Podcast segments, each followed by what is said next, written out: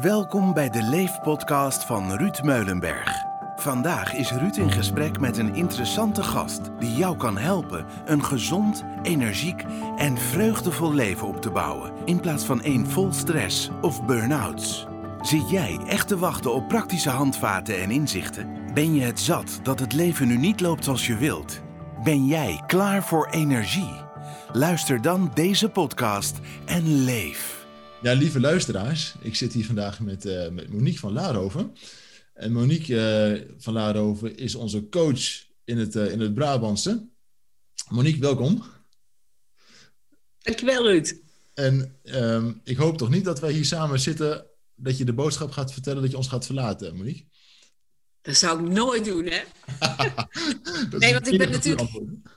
Ik ben natuurlijk heel blij dat ik dat ik bij, dat ik bij, uh, bij, bij het team zit van, uh, van Ruud Meulenberg. En dat ik me heel fijn en veilig voel. En uh, ik hoop ook echt dat jij uh, nooit mij de deur wijst. Nooit, Monique. bij deze beloofd. bij deze. ja, ja, je had het al heel... begrepen. We zouden het vandaag gaan hebben over verlatings- en, en bindingsangst. Ja. Ehm, dat is, bindingsangst heeft niks te maken met de angst om vastgebonden te worden. Dat heeft met, met iets anders te maken, geloof ik, Monique. ja, klopt. Ja.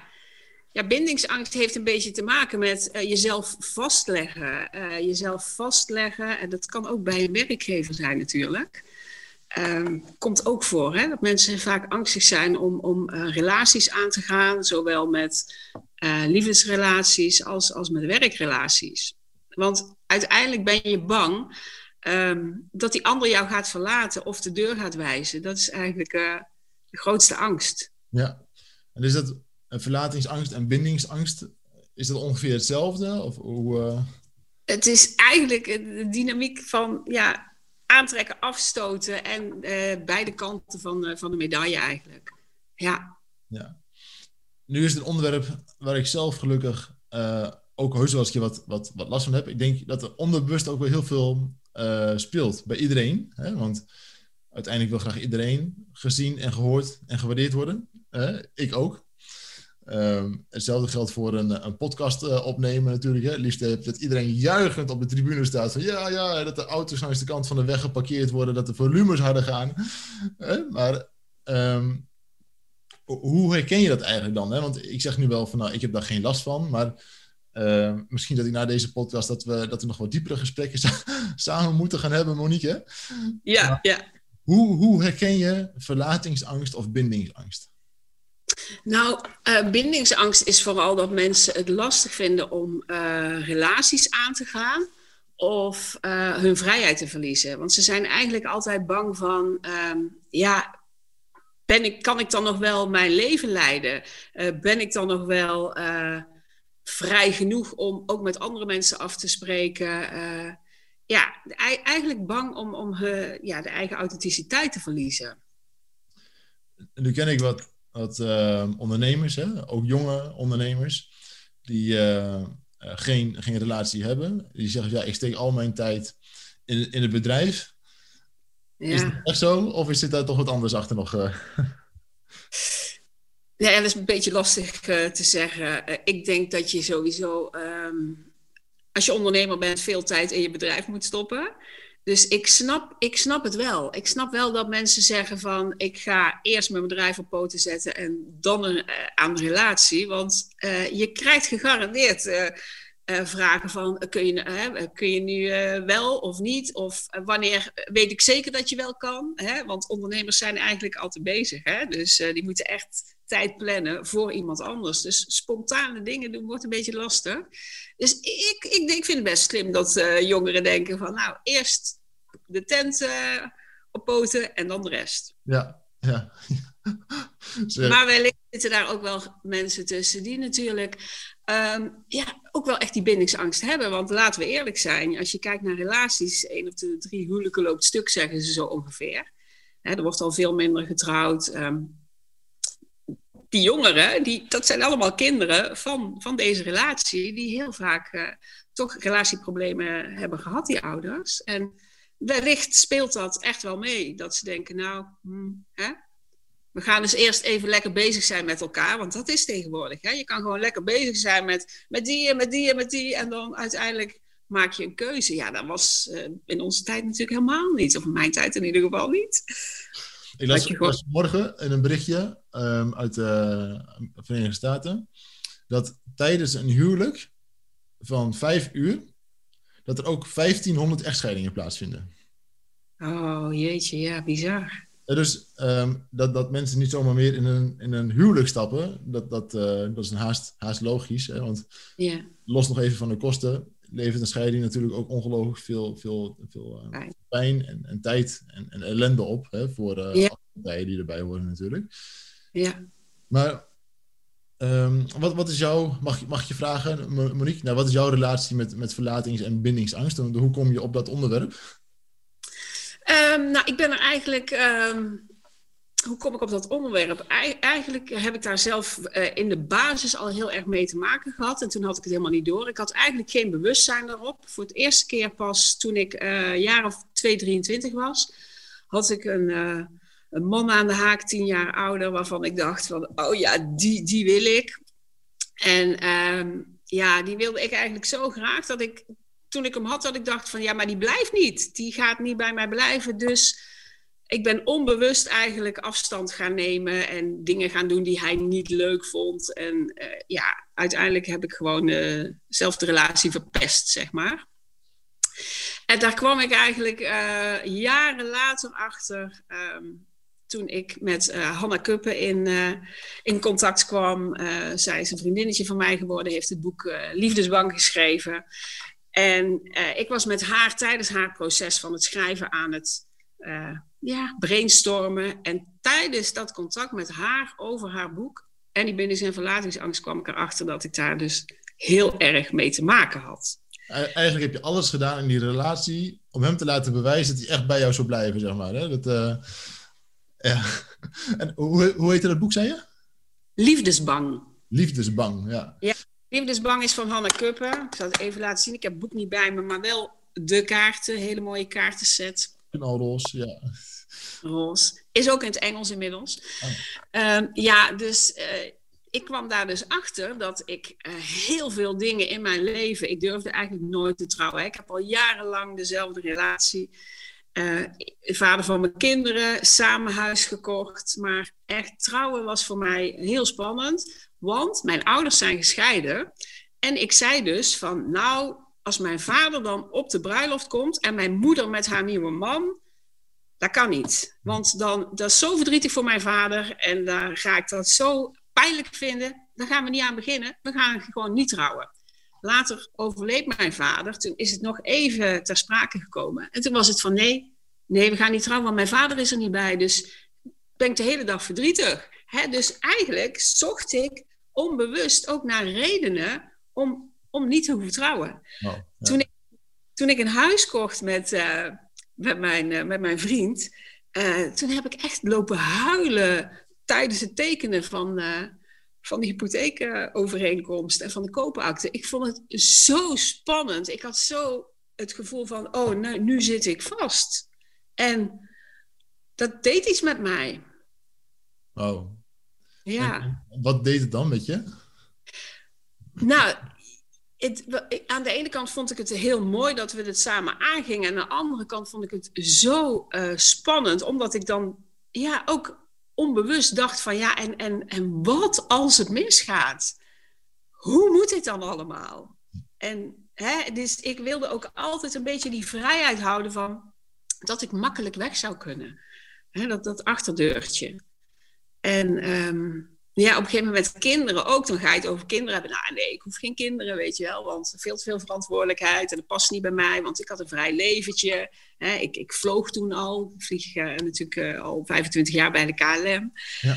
En uh, deeltijd. En ja, dus ik had zoiets, kinderen passen niet in mijn leven. Maar ook dat was een deel van mijn bindingsangst. Ja. Ja, en aan de andere kant... Voor de luisteraars, hè, want Monique werkt parttime bij ons en parttime in de lucht hè, bij, uh, als stewardess. Het meest geniale, hè, dat zei natuurlijk ook al vooraf dit, deze podcast eventjes. We hebben hier te maken met een stewardess met bindingsangst. verlatingsangst. Hè? Dus het is bijna grappig hè, dan. Ehm, maar hoe, hoe doe je dat dan, uh, Monique? Hè? Hoe, heb je dat nou, niet meegemaakt?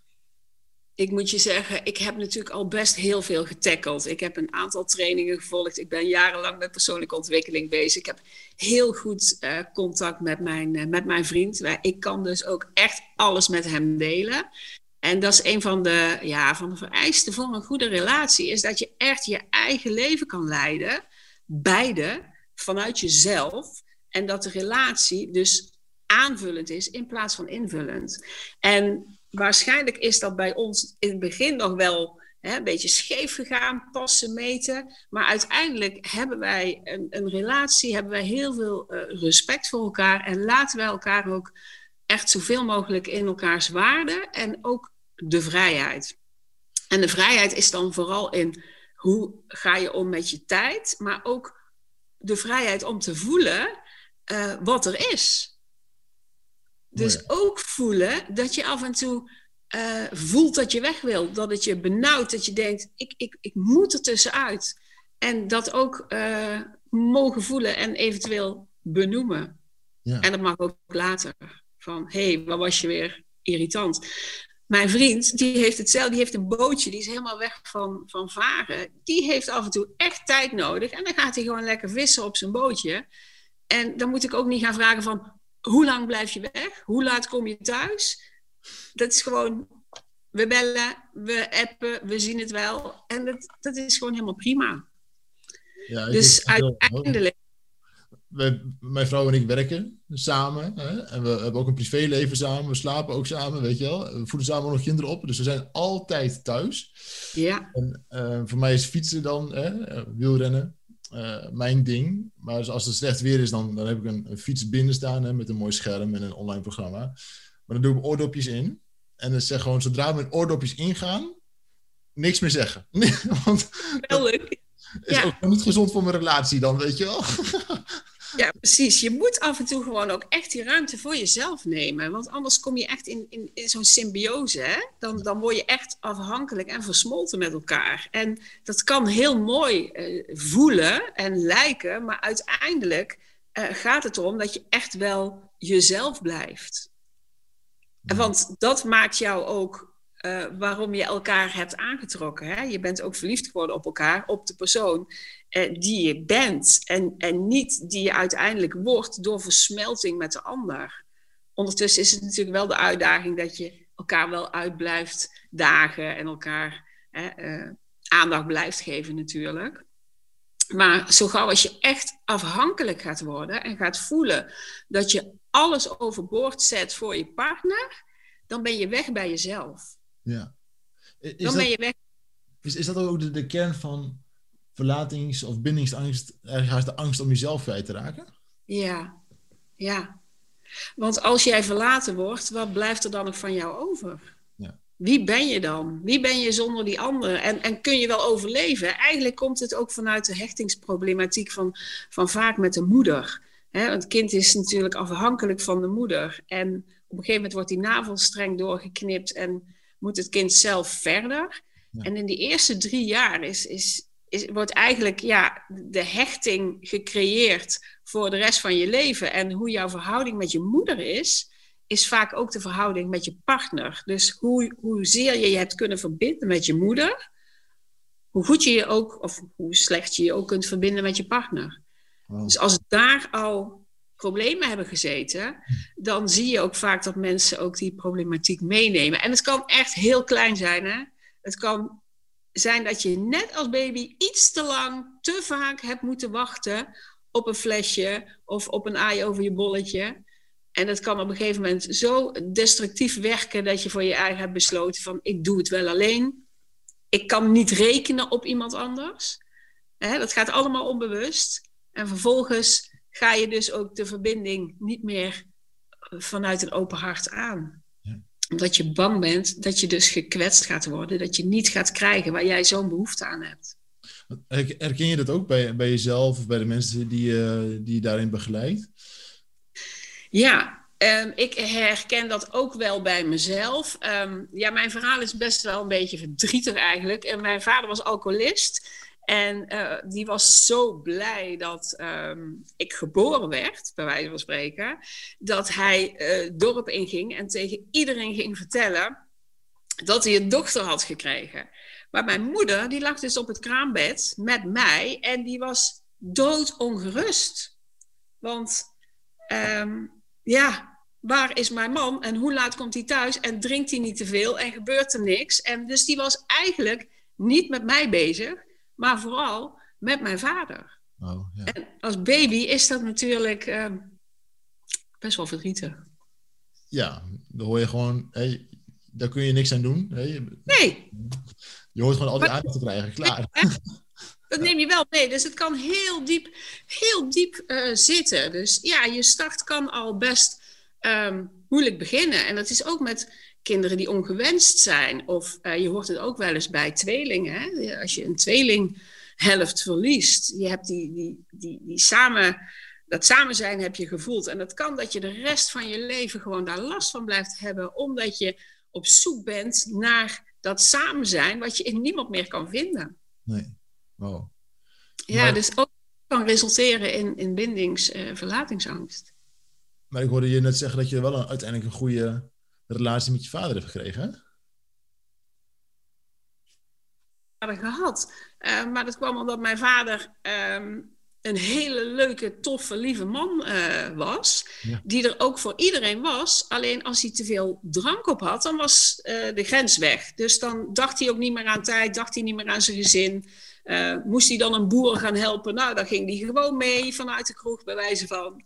Dus die stond echt altijd voor iedereen klaar. Maar um, uiteindelijk heeft mijn moeder ervoor gekozen om uh, alleen verder te gaan. Ja. En dat had ook te maken dat ik ook nog een broertje had uh, die een hersentumor kreeg op zijn uh, tiende verjaardag. Dus zij stond daar voor haar gevoel ook echt alleen voor. Ja. Hè, dat, ja, want mijn vader die zat dan aan de telefoon met mijn tantes te vertellen hoe verschrikkelijk het allemaal was. Mijn moeder zat in Nijmegen dagen achter elkaar in het ziekenhuis. En ik was dan nog thuis met een klein zusje. Ja, je kan je voorstellen dat dat best ingewikkeld is op zo'n moment.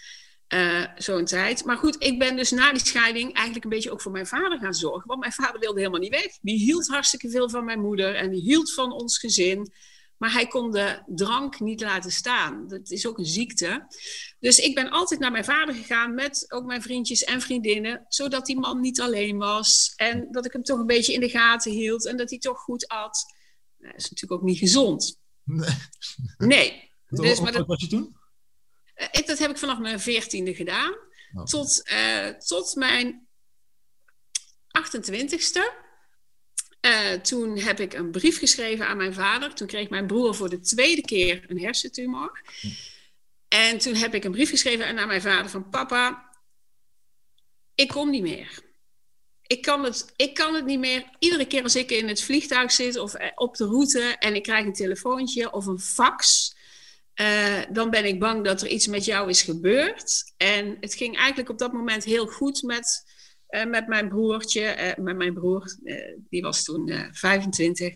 Het ging met hem goed. En ik, ik had zoiets van: als jij dan tegen iedereen gaat vertellen dat het slecht gaat, ja, dan dat brengt niks.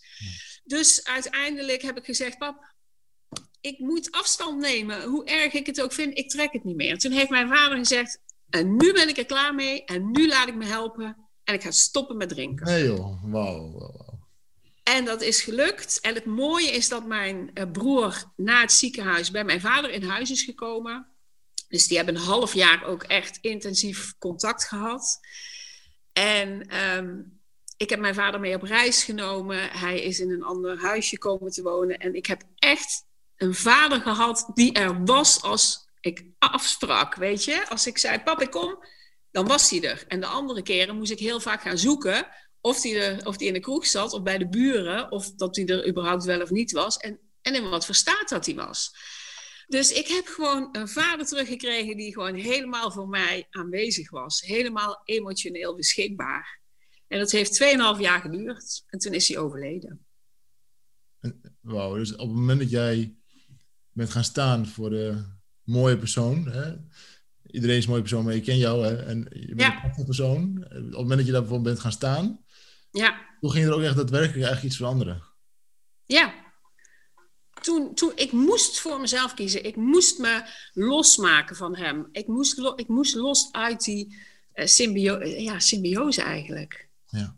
En, um, ja, en, en dat, dat heeft echt, uh, ja, echt zijn vruchten afgeworpen.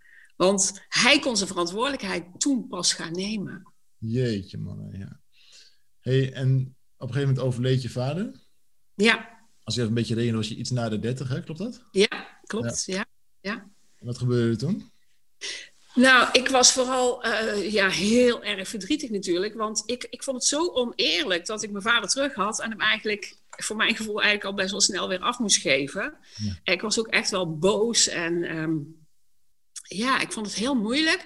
Dus wat deed ik? Ik ging echt redeneren waarom het beter was dat hij was overleden. want stel dat hij weer terug zou vallen. En stel dat hij, uh, hij heeft een hartinfarct gehad. Hij is op de fiets uh, gevonden. hij is gereanimeerd. Maar stel dat hij bij was gekomen van die reanimatie, dat het was gelukt, dan had hij wellicht in een rolstoel gezeten.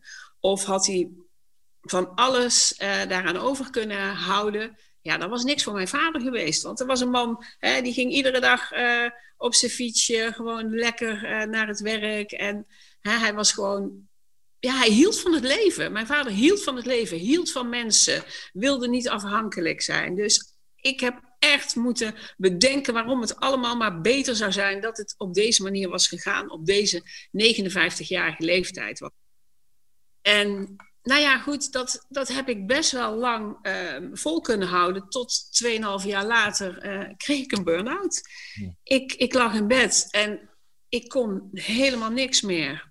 Ik kon alleen nog maar huilen. Ik was moe en ik begreep begon niet wat er met me aan de hand was.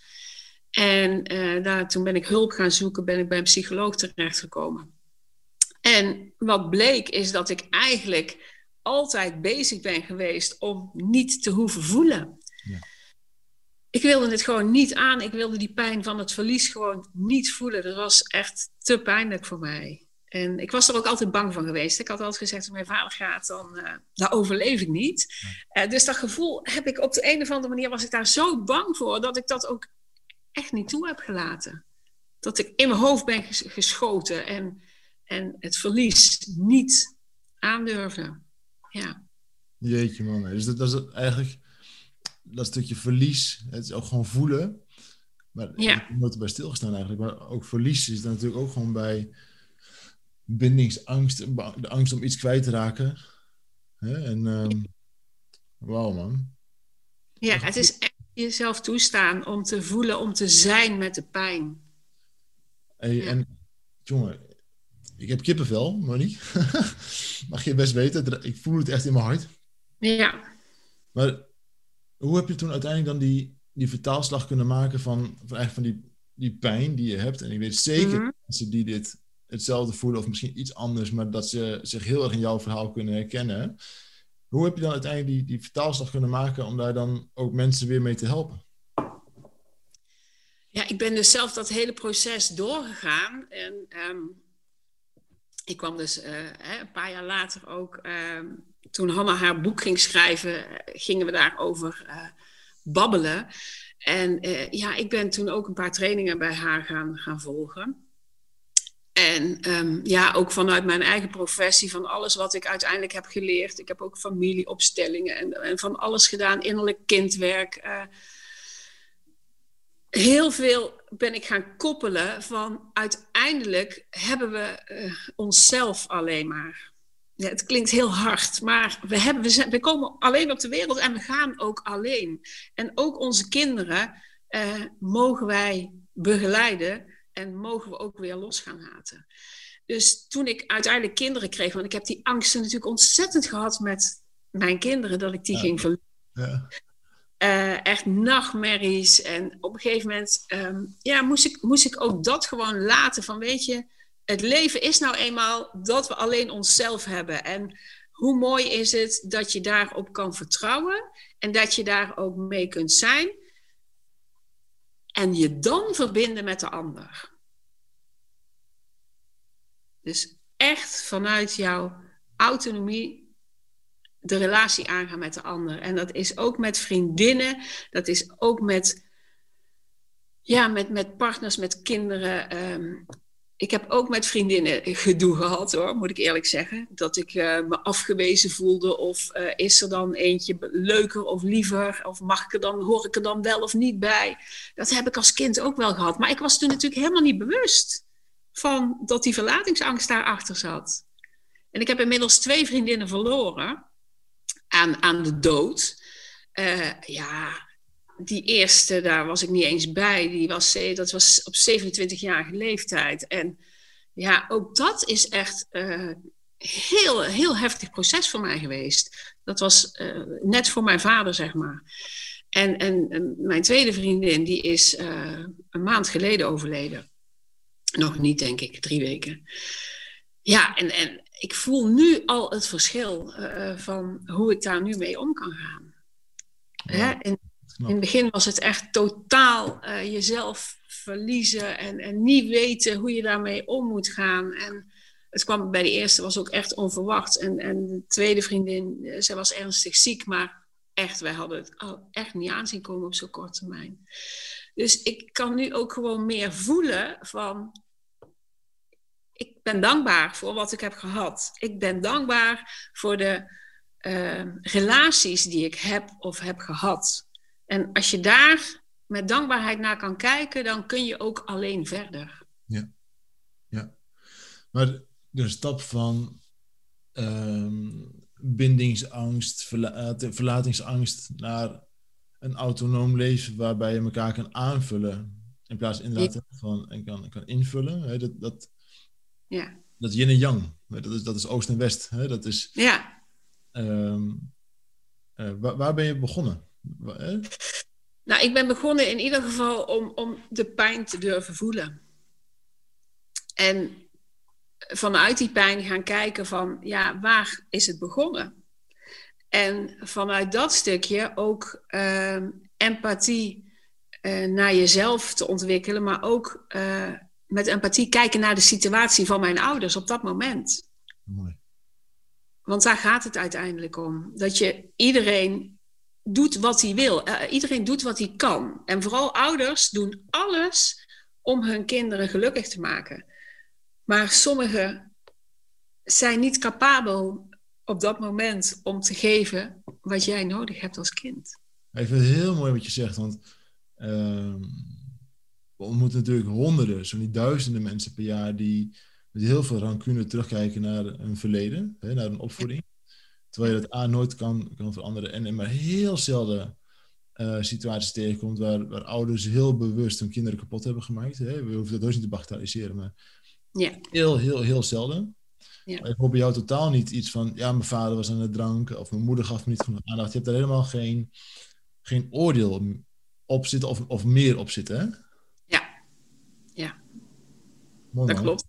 Echt knap, echt. Uh... Maar goed, daar is veel innerlijk werk aan vooraf gegaan. Hè? Dat, dat, moet ik wel eerlijk zeggen. Ik had het alleen niet gekund. Ik ben eerst bij een psycholoog terechtgekomen. Daarna ben ik ook echt uh, opleidingen gaan volgen om mezelf te helen. En het laatste stukje uh, kwam ik dan bij die bindings- en verlatingsangst. En ja, dat, dat ben ik toen zelf op gaan pakken. En ja, nu, nu kan ik daar gewoon mensen heel ja, mooi in begeleiden, omdat ik kan voelen wat zij voelen. Ik weet wat ze voelen. Ik weet waar ze doorheen zijn gegaan. En het is echt een stukje ontdekkingstocht van jezelf. En eigenlijk ga je alleen maar, het klinkt een beetje raar, maar je gaat alleen maar meer van jezelf houden. Ja. En ik denk, als je genoeg van jezelf kan houden, dan pas kan je ook echt van een ander houden. Klinkt raar, hè? Maar... Ik ben het helemaal mee eens. Ik, ik lees toevallig, uh, nou je weet het, hè, we zijn ook wel bezig geweest met het thema vergeving. Ja. En, en vergeving en, en onschuld aantonen. Hè, en je eigen, dat ligt heel dicht bij elkaar. Hè? Jezelf vergeven is jezelf onschuldig zien. Ja. Um, maar dat bagatelliseert niet wat er is gebeurd. Um, jullie hoorden van een voorbeeld van twee, uh, twee broers, waar de ene in een psychose belandde en zijn andere broer uh, doodschoot. En, en dat in die rechtbank, ja. uh, zijn moeder, dus de moeder van die jongen die dus zijn broer doodschoot, een knuffel gaf en zei: Wil vergeef je? Want het was die psychose die het heeft gedaan. En dat bagatelliseert niet wat je hebt gedaan. Nee, ik heb er nog steeds extreem veel verdriet van. Maar het, het feit dat zij dat kon vergeven, betekent wel dat zij verder kan. En dat zij dat rouwproces ook aan kan gaan. Want als ze dan in die, in die daden, naar die daden daar, haar eigen zoons blijven kijken, is, zou ze ook nooit verder kunnen. Hè? Dus alleen voordat je zo ver en zo groot kunt zijn, ja. wel even wat, wat, wat overheen natuurlijk. Hè?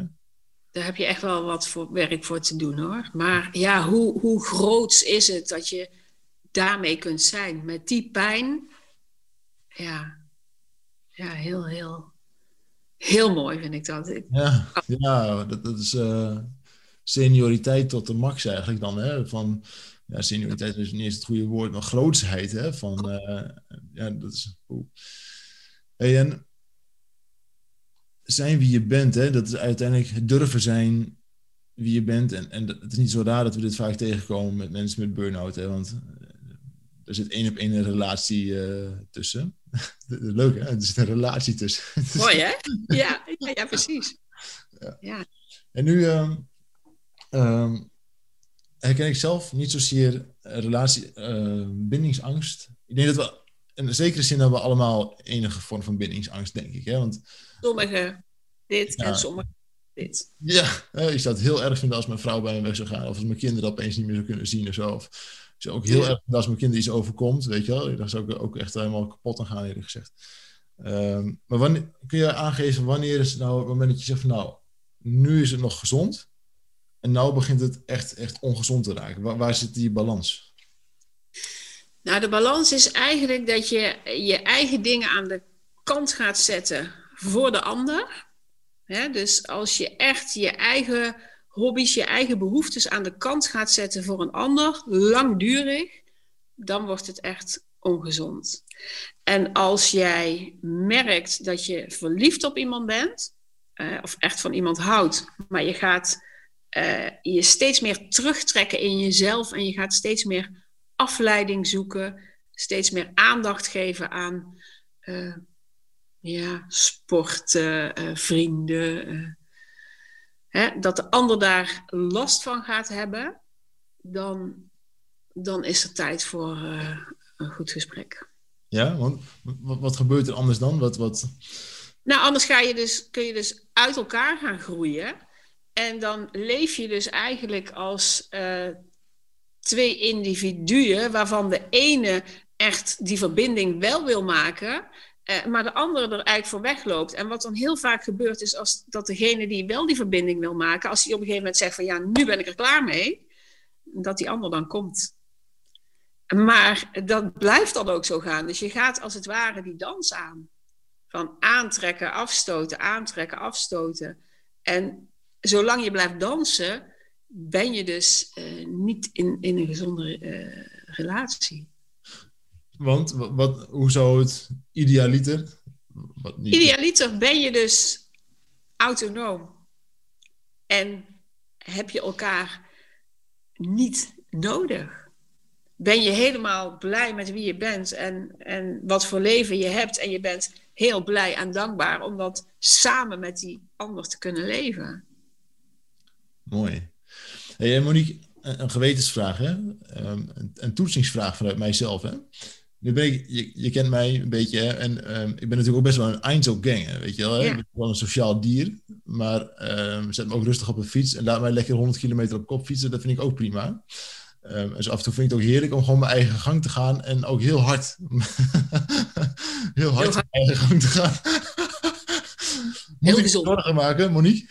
nee, nee, dat is heel gezond. Het is echt heel gezond om af en toe even tijd voor jezelf te nemen. Is eigenlijk een soort van uh, verplichting die iedereen uh, zichzelf en de ander zou moeten gunnen. Want als je dus constant op elkaars lip gaat zitten, gun je de ander eigenlijk ook niet de eigen ruimte. Gun je de ander eigenlijk ook niet de kans om zichzelf te leren kennen, wie die is zonder jou.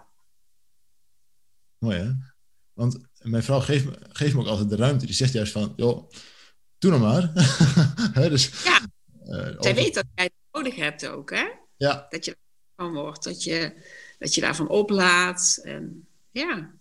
Ik noem maar, het mijn, uh, mijn defragmentatiemomentjes. Hè? Um, als ik een tijdje lekker... Uh, om, en soms is het ook een aantal dagen. Hè? Het is niet zo dat, dat we elkaar dan niet zien. Of dat ik dan geen Mhm. aandacht over en weer heb. Maar ze af en toe eh, een week aan een bepaald project werken. Waardoor ik minder tijd en aandacht heb voor mijn gezin. Zodat ik later dan wel weer in die volledige verbinding sta. Ehm, die momenten dat ik heel hard ergens aan werk, dat is ook defragmentatie. Weet je, alle, alle stukjes vallen weer op zijn plek. En dat heb ik ook bijvoorbeeld als ik heel hard heb gefietst, eh, of heel ver heb gefietst. Ehm, als ik dan thuis kom, dan ben ik wel moe. Maar dan, dan is me, op zijn Drents, mijn kop is weer leeg, weet je wel. Hè? Dus dan, ja, en dan kan er weer wat bij, weet je. Dan heb ik ook gewoon weer ehm, de headspace om weer, om weer die connectie te maken. Ja. Ja, het is, het is heel gezond om af en toe even afstand te nemen. Eh, en daar inderdaad weer voor te kiezen, als je dan weer samen bent, om echt, echt te zijn, echt aanwezig te zijn. Er Gewoon zijn natuurlijk een heleboel mensen die aanwezig zijn, maar niet aanwezig. Die zitten overal, die zijn fysiek aanwezig. Nou ja, dat, dat, dat las ik laatst ook wel. Hè? Van heel veel mensen hebben natuurlijk, natuurlijk zeker als je iets, iets hebt meegemaakt in het verleden wat, wat niet bevorderlijk is voor je mentale gezondheid. ehm, op een gegeven moment leer je om een soort masker. Eh, Ja. Maar z- zolang je dat masker op moet houden, dan kom je nooit bij het zijn. Ehm, en dat masker wordt dan hetzelfde echt laten eh, afgedaan. Ehm, uit angst om dan inderdaad om iemand, iemand kwijt te, te raken. Hè? Want dan ben je opeens niet meer leuk genoeg. Hè? Of dan, maar in een relatie, ja, vroeg of laat kom je toch achter mekaars eh, ware ik. Dus Mooi hè? Ja. Relatie, die, die raakt eigenlijk al die punten aan waar jij nog iets aan te werken hebt. Relaties die drukken precies op die pijnpunten van, oh shit. Oh, en overal waar je boos en verdrietig en, en waar je last van hebt, ja, dat zijn eigenlijk allemaal, schrijf ze maar op, hè? het zijn allemaal, allemaal lesjes. Hoe doe ik dat? Hoe mag ik, hoe mag ik daarnaar kijken? Wat verwacht ik van een ander? Dus eh, ja, relaties zijn eigenlijk eh, heel mooi voor eh, persoonlijke groei. keiharde spiegels eigenlijk. Kijk, nou, je kinderen nog, nog harder. ja, dat is heel Die- herkenbaar. Die zijn daar helemaal fantastisch in. Want die doen het onbewust. Hè? Kinderen spiegelen echt onbewust de ouders. Die willen ook dat die ouders gewoon heel zijn. En die vragen er ook natuurlijk met alle openheid naar. hè, Waarom doe je dat? dus, Nou, ik heb het wel eens gehad. Mijn kind, ik vergeet het nooit meer. Hij was denk ik een jaar of drie. Zocht, eh, het was in de ochtend. Hij zei, mama, hoe laat is het? Vier uur. Ik zeg, eh, eh, het was eh, volgens mij tien uur. tien uur. Hij zegt, ik heb jij nog helemaal niet zien lachen. ik vond het zo confronterend. Ik had echt zoiets van, oh, echt? Ja, nou ja, inderdaad. Ik zie, ik zie mezelf bezig met dit doen, dat doen, voorbereidingen. Hè? Alles, alles eh, was, eh, tas. en eh, ja, ik vond het heel confronterend. Maar kinderen die zijn zo, die zeggen dat gewoon on, ongegeneerd. Ik heb je nog niet zien lachen. Ja, nou, wat ik wel mooi vind, het enige wat telt is de toekomst. Weet je? Alles wat het verleden is geweest, dat, dat is geweest. Hè? Dat, dan mag je iets van leren. Hè? En als je daar met die vergevingsgezindheid naar kijkt, dan is, dan, dan is eigenlijk elke, eh, elke spiegel is een cadeau. Hè? En, eh, ja. mooi man. Geweldig. Uiteindelijk, ja. Uiteindelijk ben je eh, wie je bent vanuit het verleden. Hè? Dus al die dingen die je mee hebt gemaakt, maken jou tot wie je nu bent. En als je in het hier en nu blij kan zijn met jezelf en, en van jezelf kan houden, dan heb je dat ook te danken aan al die vervelende, pijnlijke, verdrietige, negatieve, maar ook zeker mooie dingen die je hebt meegemaakt in je leven. Wow. Hey Monique, als we nou de luisteraars naar deze podcast nog één super waardevol ding mee zou kunnen geven. En mensen die zich 100% herkennen in jouw podcast, die eh, van de fiets zijn afgestapt, die een volume harder hebben gezet om je beter te kunnen horen, en nog beter te kunnen horen. Ehm, dat soort mensen, wat voor tip, één gouden tip, welke zou je ze nog kunnen meegeven?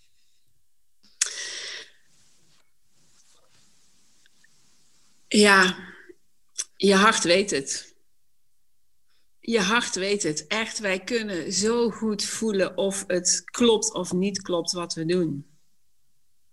Dus je lijf geeft eigenlijk aan. Voel je ongemakkelijk? Voel je een brok in je keel? eh, hè, die, die, die knoop in je maag? Luister naar je lichaam en ga op onderzoek uit. En eh, ja, je hart weet het. Mooi man. Des te eerder, des te beter. Dus- Dus voelen. Niet Niet bij de ander, niet op de ander duiken, die kan je niet veranderen. Moet je ook niet willen. In jezelf gaan voelen, wat heb ik op te pakken? Waar wil ik naartoe? Wat gun ik mezelf? Hoe kan ik mezelf helen in dit stukje pijn eigenlijk? Want het is een wond, hè? Het, het, is een wond die. Uh, ja, de wond van verlating eigenlijk. Ja. Wow. En zoek, goed, zoek goede hulp. Hè? Ik bedoel, ja, er zijn hele mooie boeken. Ik heb het net al gezegd, het boek Liefdesbang van Hanna Kuppen is echt uh, hele mooie. Ik heb nog een mooie Verslaafd aan Liefde. Jan Geurts.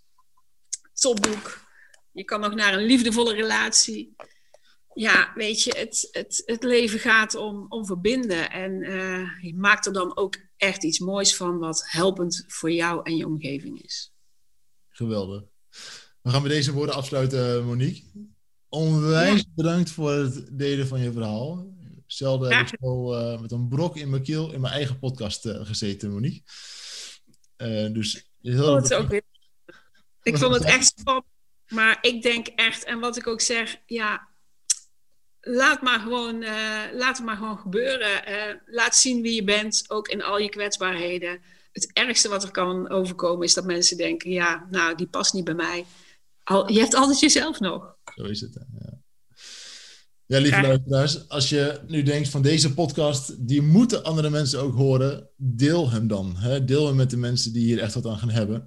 Laat een review achter of beoordeel deze podcast. Als je vragen hebt, dan kun je die sturen naar info-ruudmeulenberg.nl uh, Ik kan je eventueel ook daarmee in contact brengen met uh, Monique. Uh, deel, deel, deel. Deze informatie delen we ook graag met heel veel liefde. Ehm, en we kijken natuurlijk uit naar de volgende podcast. Monique, super erg bedankt. Heel graag gedaan. Ik zeg alvast uh, tot de volgende. Tot de volgende. Doei. Dankjewel voor het luisteren naar de Leef podcast. Wil je meer weten over stress of burn-out? Meld je dan aan voor onze podcasts of bezoek onze website Vind je dat meer mensen deze waardevolle informatie moeten horen? Deel dan je mening en beoordeel deze podcast. Samen werken we aan een beter leven na je burn-out.